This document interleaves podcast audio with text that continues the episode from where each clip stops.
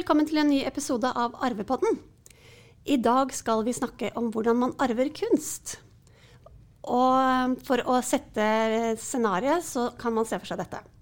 Dine foreldre har gått bort, og du og dine søsken kommer inn i barndomshjemmet og skal begynne å fordele innboet. Og på veggene så henger det bilder, og noen ser verdifulle ut, andre ser veldig alminnelige ut. Og så begynner du å åpne skapene, og der ligger det jo selvsagt sølvtøy, det ligger noen klokker, Kanskje noen gamle vesker og litt porselen og vaser, og for ikke å snakke om alle bøkene i bokhyllen. Og så begynner oppgaven.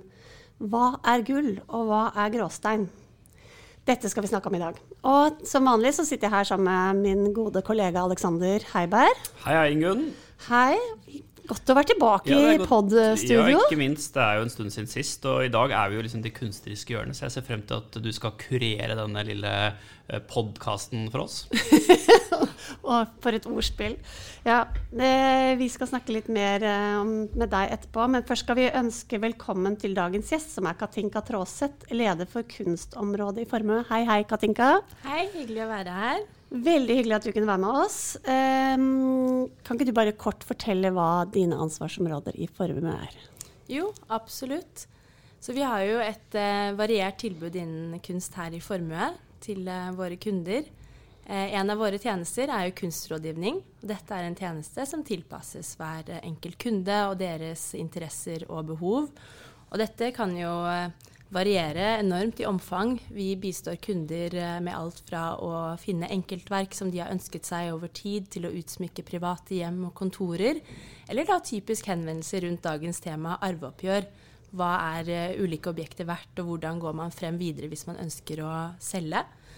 Og utover rådgivning så har vi et uh, aktivt program med arrangementer rundt om i landet. Og det er da typisk uh, omvisninger i gallerier og museer og atelierbesøk, foredrag og ja, mye mer. Dette for at uh, våre kunder skal kunne lære om kunst og holde seg oppdatert på hva som skjer på den norske og internasjonale kunstscenen. Og så har vi jo utstillinger. Et rullerende utstillingsprogram på våre kontorer her i Oslo og i Drammen, hvor vi hovedsakelig viser samtidskunst. Men det er jo ikke bare utstillingene som viser kunst i våre lokaler. Vi har også kunst fra selskapets egen samling rundt om i våre kontorlokaler som er da til glede og i noen tilfeller diskusjon blant eh, kollegaer og besøkende. Dette er da hovedsakelig eh, samtidskunstnere med et hovedfokus på nordiske kunstnere, men også internasjonale. Og det er jo da min rolle å videreutvikle denne samlingen, så jeg er jo veldig opptatt av å følge markedet tett og se hva som rører seg, og tidlig oppdage nye talenter som blir spennende for fremtiden. Så mye å holde fatt i, Ingunn. Det er helt sikkert. Jeg vet at de arrangementene som dere på kunstavdelingen arrangerer, er veldig populære hos kundene. Mm. Så det, det, blir høyt verdsatt. Um, Alexander, har du noe erfaring med å arve noe verdifullt på hjemmebane? Ja, jeg tror De som har eh, hørt arvepodden før, de vet jo at det har kommet fint lite arv min vei. Altså, men, så mine referanser er jo gjerne mine foreldre som har som arvet uh, mine besteforeldre. Og jeg, husker mine besteforeldre var sånn veldig sånn De hadde kvalitet i alt de eide. Slik at uh, det var liksom ikke umulig å tenke at i det, i det dødsboet fantes det en del som kanskje var verdt å ta vare på. da. Samtidig så, så husker jeg den der følelsen av at, uh, at, man skulle inn, og så skulle man, ikke minst skulle man rydde i alle disse tingene. Enormt med mengder med ting, og man skulle vaske ut, og det var liksom mye som skjedde midt oppi at folk var gått bort. Og midt i det så kanskje ikke så veldig mye krefter å sette seg ned og finne ut hva dette er verdt noe og ikke verdt noe. For det, antagelig var det ikke så mange Munch. Um, men, men, det kunne jo være andre ting som, som kunne ha en økonomisk verdi. Men jeg husker det der at åh, bruke masse krefter ja, på det. Du blir bare sliten. Og så er det jo ikke sant, at Økonomisk verdi er én ting. Like mye diskusjon husker jeg mer om kaller liksom den estetiske verdien. Å, det bildet er kjempefint. Mm. Så det, det, må vi kanskje ta vare på. Eller det, det bildet kan vi bare få. For det er liksom ikke over mitt lik at det, skal, det var så veldig dårlig, forresten. Uh, men, men, det vil i hvert fall ikke ha hengende på veggen. Hva jeg mente. Um, men, men nå, kommer jeg på ting. Jeg har jo faktisk arvet en ting. Ja. Uh, jeg har arvet et, uh, et lommeur. Og det husker jeg tok med for å få renset til en, en optiker av, en sånn, av, den gamle typen med sånn briller med snor og sånn. Og han sa at dette her er litt gøyalt, for dette er laget av en norsk urmaker. Og han hadde laget veldig få, men var veldig sånn anerkjent og dyktig. Og så viste det at dette hadde vært i, i flere generasjoner da, i familien min. Det var litt gøy hvem som hadde hatt og sånn.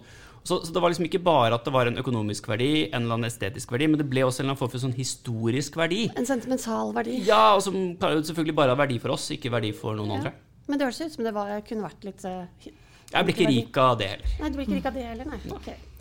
Nei, men uh, ok, Katinka, så da tenker jeg at du kan hjelpe oss. For jeg uh, har jo litt sånn i samme situasjon som Aleksander. Altså hvis man Jeg aner jo ikke hvis jeg nå skal inn i mine foreldres hjem og gå over den kunstsamlingen deres. Det kan bli en uh, litt sånn bratt affære. Jeg har, jeg har, i hvert fall ganske lite peiling selv. jeg kan jo liksom Hadde det vært noe veldig verdifullt som har vært Eh, som jeg hadde sett med en gang at OK, her eh, har vi gull. Men det meste tror jeg kanskje kan være gråstein. Det er litt sånn mye sånn bilder i terra jordfarger. en del som har kommet fra sydenferie? litt sånn, eh, det er, det er ikke noe kjent signatur der, som i min bok i hvert fall. Så hvordan går man fram? Nei, så Det første steget er jo da å finne ut av hva som faktisk er gull, og hva som er gråstein. Og For å gjøre det så kan man ta kontakt med auksjonshusene for verdivurderinger. Dette er jo en tjeneste de leverer og har god erfaring med, for dette er jo utgangspunktet for alle objektene de selger på deres auksjoner. Og litt sånn avhengig av omfanget, verdier og altså geografisk beliggenhet, så vil enten en av deres spesialister komme hjem til deg og undersøke objektene det er snakk om. Eller så skjer det meste i dag digitalt. At man sender en e-post med bilder og beskrivelser, f.eks. For, for et maleri, hvem har laget kunstneren, hvilket år er det fra, og hvor stort er det. Og dette er i de fleste tilfellene tilstrekkelig for at spesialistene får et inntrykk av kvaliteten, om objektet har en verdi, er det ekte, og hvordan er tilstanden, osv. Og men jeg tenker det at eh, om man ikke sitter på mye erfaring selv innen feltet, så kan det være lurt å knytte til seg ekstern ekspertise og da en uavhengig rådgiver som kan hjelpe deg på veien og holde i dialogen med auksjonshusene og også sikre på at du, at du kommer til eh, rett kontakt. For det er jo sånn at det, eh, noen objekter vil jo egne seg til et lokalt marked. Og det kan være sant, på nettauksjon eller mm. tradisjonelle auksjoner. Og andre kan være interessante for et eh, internasjonalt marked.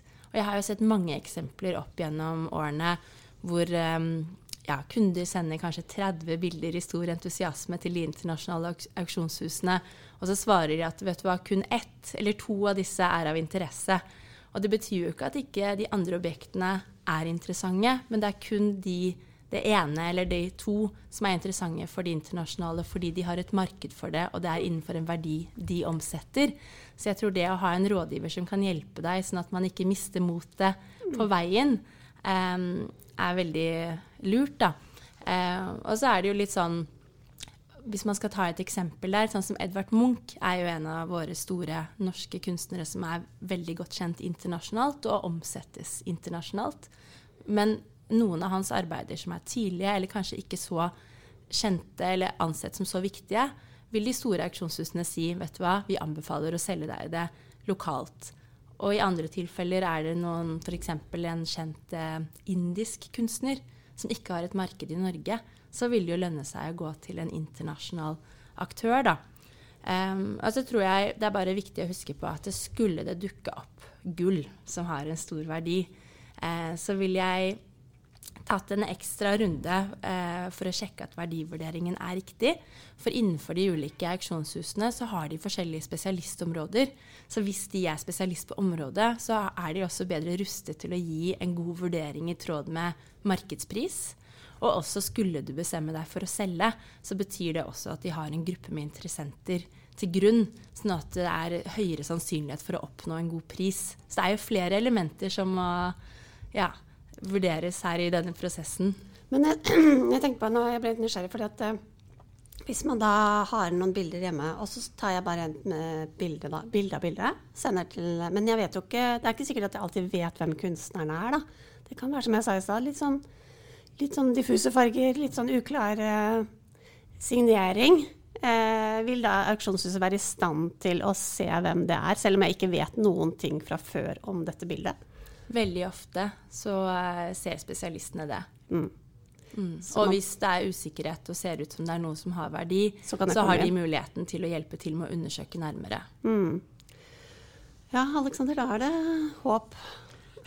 Ja, ja det, det, er jo, det, er jo, godt å vite at, eh, at, de er villige til å ta en sånn titt, da. Ja, for, og at det mm. kanskje er egentlig ganske sånn lavterskel eh, ting å sette i gang med. Ja, for det tenker jeg også. Jeg liksom, eh, for jeg hadde kanskje tenkt liksom nei, det blir jo veldig flaut å komme med det bildet her. Tenk hvis det er bare sånt skrap som noen har dratt med seg hjem fra stranda i Marbella, liksom.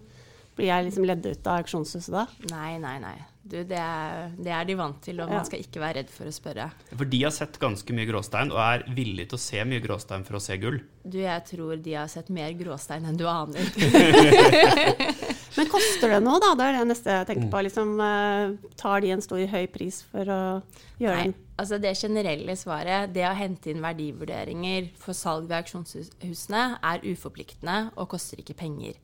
Men det er jo klart det at eh, er det en kjempejobb, og du har litt spesifikke krav, og kanskje du har, aldri har en intensjon om å selge, så vil de muligens eh, sette opp en avtale med deg. Men i prinsippet så er det gratis å spørre. Og auksjonshusene tenker jo litt sånn blir det ikke et salg i dag, så blir det kanskje det i fremtiden. Og også litt sånn at er det viktige kunstverk eller objekter, så liker de også å vite hvor de befinner seg hvis det plutselig skulle dukke opp en veldig eh, interessert kjøper, sånn at de kan ta kontakt med deg og komme med et bud, da, f.eks. Ikke sant. Eh, men du, hvis du skal, når disse verdivurderingene skal settes, så tenker jeg sånn eh, OK, de, de, prisene går jo litt opp og ned. Noen ganger leser vi at det er kjempehype på Munch, og så er det plutselig ikke så populært med Munch. Eh, er det noe spesielt liksom, man må tenke på når man får en verdivurdering, eller hvordan helt tatt gjøres den verdivurderingen? Altså, i enkle linjer så settes eh, vurderingene de settes basert på tidligere oppnådde priser for lignende objekter. Um, og da er det jo flere ting som vurderes. da. Så um, For å liksom ha et tilsvarende objekt, da, så vil du f.eks. se på hvilket år er det fra, hvilken størrelse, hva er uh, teknikken, uh, hvordan er tilstanden, er det sjeldent, Eh, er det en kjent person som har eid objektet, da vil det f.eks. verdien kanskje være høyere enn tidligere oppnådde priser. Men det er jo da hovedsakelig at de sammenligner med tidligere eh, resultater. Men ved salg så må man jo huske på at til syvende og sist så er det jo markedet som bestemmer. Du trenger jo kun to kompetitive mm. budgivere for å oppnå en altså rekordpris. Eh, så vurderingen er jo kun en forventning, da på uh, hvordan markedet er. Og så må man også bare huske at uh, all kunst og design går jo i sykluser og trender. Um, så selv om ikke markedet kanskje verdsetter objektene for øyeblikket, så betyr det ikke at det er av god kvalitet og har en historisk betydning. Men vil man da få et objektivt råd fra auksjonshusene? For jeg tenkte liksom, Min mistanke tenker jeg da at å, nå si, kommer dit bare til å sitte med dem. Bare selg det nå, for da får de kommisjon med en gang. I stedet for å gi et uhildet råd om at vet du hva, nå er ikke markedet for det og den kunstneren, det ligger litt nede nå. Sitt på gjerdet et par år, så kanskje det kommer tilbake. Eller eh, kan man stole på at det rådet man får, er i mine egne interesser og ikke auksjonshusets interesser, hvis jeg da vurderer et salg, da? Mm. Jeg tror Det som er viktig å huske på, er at det er jo ikke i auksjonshusene interesse at objektet går usolgt, og heller ikke at de selger dårlig. Um, og jeg opplever i hvert fall at når jeg snakker med auksjonshusene, at de er veldig ærlige uh, hvis markedet er trått for et segment eller for en kunstner, og informerer om det, og kanskje sier at uh, kan dere vente og heller se om dette snur. Mm. Men så er det jo andre tilfeller hvor du har uh, Si da f.eks. et arveoppgjør hvor det er et familiemedlem som bare har lyst til å bli litt ferdig med det og selge. Og så er de villige til å selge selv om det kanskje ikke oppnår en høy pris. Så det blir jo også en diskusjon da, mellom eh, selger og auksjonshuset. Så, så, det er jo noe, det er, det er noe, sånn, noen trender her, da. Uh, åpenbart. Så hva er de største trendene nå, da, Katinka? Hvilke samlerobjekter? Tenker ikke bare kunst. Er det som går fort unna? Med gode priser? Ja, det er et spennende spørsmål.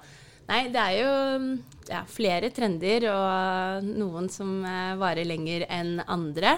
Det har vært en stor interesse den siste tiden for vintage klokker. Så spesielt da klokker fra de store klokkehusene, sånn som Rolex og Patek Philippe f.eks. Um, her i Norge så har det vært en stor appetitt for designobjekter og møbler fra norske designere fra 70-80-tallet. Så kan være verdt å undersøke hvis du har noe hjemme. Um, Og så har det jo sånn På kunstscenen så har det vært eh, over lengre tid en stor interesse for samtidskunst.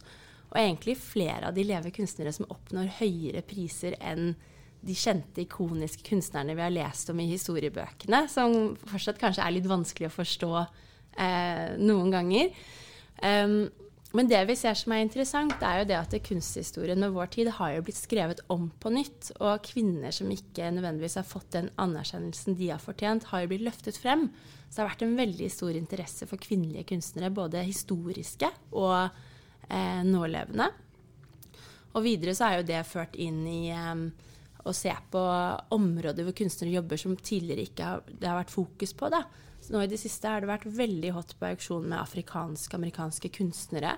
Eh, mange dyktige kunstnere fra regionen. Men så er det jo sikkert også en sammenheng med at det vokser opp flere og flere samlere da, fra området. Mm. Eh, som ønsker å kjøpe kunst fra sin ja, egen Ikke sant. Så er med å støtte mm. sine lokale kunstnere. Uh, ja, og over til noe litt særere og uh, annerledes. Men jeg syns jo det er ja, interessant og litt vanskelig å forstå. Men det har jo vært veldig mye snakkis om NFTs og det digitale. Skjønner ingenting av det. Nei, Nei det, er, det er helt forståelig.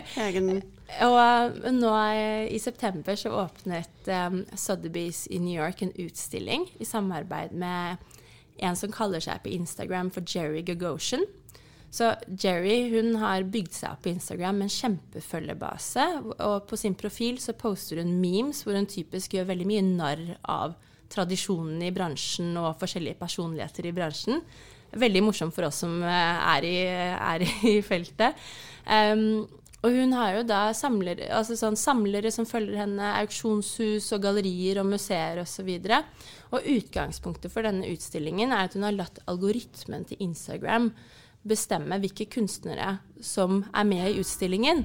Så litt sånn, Fordi hun da har så mange eh, interessante følgere på Instagram, så lar hun da utforske siden på Instagram velge kunstnerne i utvalget. Så dette er jo helt nytt og annerledes, og bryter jo egentlig helt med alle tradisjoner tidligere. Så ja. du har til og med liksom algoritmer som er med å bestemme hva som er trenden. Da, ja. da, da, da begynner det å bli litt komplisert, Ingunn, øh, å vite om det er gull eller gråstein. Det, ja. Jeg tror ikke det, det, er, det, er, ikke noen algoritmer som kommer til å komme inn i min, uh, mine foreldres ja, Det hørtes ikke sånn det er kanskje ikke det man finner hjemme. Nei, jeg tror jeg skal holde det utenfor uh, heimen hos oss, i hvert fall, når den tid kommer. Men jeg tenker jo sånn at Eh, mange har jo en ganske sånn høy forventning om hva man, verdiene på veggene er hjemme. I hvert fall de som eier kunstobjektene selv. Man hører jo ofte sånn Å ja, det, det bildet der, det er supermye verdt hjemme. Og det virkelig liksom Dette er gull. Og så kommer man, og så er det kanskje ikke gull. Er det mange som blir skuffet eh, når de eh, kommer til auksjonshusene og hører den virkelige verdien av bildene? Ja, det er jo veldig vanlig. Og jeg jobbet jo selv for et auksjonshus tidligere, og det var jo noe vi så veldig ofte. Og er, vi har jo alle sant, hørt denne historien med ikke sant, åh, vær veldig forsiktig med dette fatet eller dette maleriet, og dette kjøpte vi når vi var i Paris, og det er så verdifullt. ikke sant, Og man type legger objekter inne i safen, og de ser ikke dagens lys. Um, og så får man en vurdering, og så viser det seg at kanskje det var en replika, eller.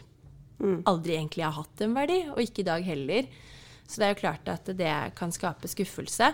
Men så har man jo også andre eksempler, da, hvor eh, det kan jo være nok til at um, en, et familiemedlem har samlet mye kunst, og de andre har ikke vært så interessert. Og så har egentlig ingen fulgt med på utviklingen, og så viser det seg at det er en samling som har stor verdi. Og det har jeg sett flere eksempler på. Jeg var senest sånn, For noen år siden husker jeg var i et bryllup og satt jeg med en amerikaner som var, hadde dette tilfellet. Og så sier jeg sånn Å, men har du noen spennende kunstnere? Liksom, hva var det din kone samlet på når hun levde, da? Nei, jeg har bl.a. kjøpt en triptic av Francis Bacon. Så sa jeg liksom Men har du fått med deg at uh, Francis Bacon har verdensrekorden nå for høyeste omsatt kunstverk på auksjon? Hadde det på det tidspunktet. Og det var en triptic. Har du undersøkt hva dette maleriet koster i dag? Han ble jo helt blek og løp hjem og kastet inn i safen. Og hadde ikke fulgt med på det. og ringte forsikringsselskapet. Ja. ja, jeg sendte han en kontakt, så jeg tror det ordnet seg. Sto bak sykkelen i garasjen. Ja, det, det, Vi har jo snakket liksom om dette med salgsverdi, men um, i, i arvepodden så er det jo ofte sånn at uh, det er ikke nødvendigvis ting vi skal selge, men det er jo ting vi skal arve. Og så skal man da kanskje fordele, da. Og, og da kommer jo dette med verdi opp. fordi at uh, hvor mye er det verdt kontra det verdt, eller hvordan liksom skal man få en rettferdig fordeling? Er det mulig å det mulig å gå til du var litt innom det, er det mulig å gå til auksjonshusene også i et sånt tilfelle, hvor man faktisk ikke har planer om å selge, men kan man få litt hjelp og veiledning likevel?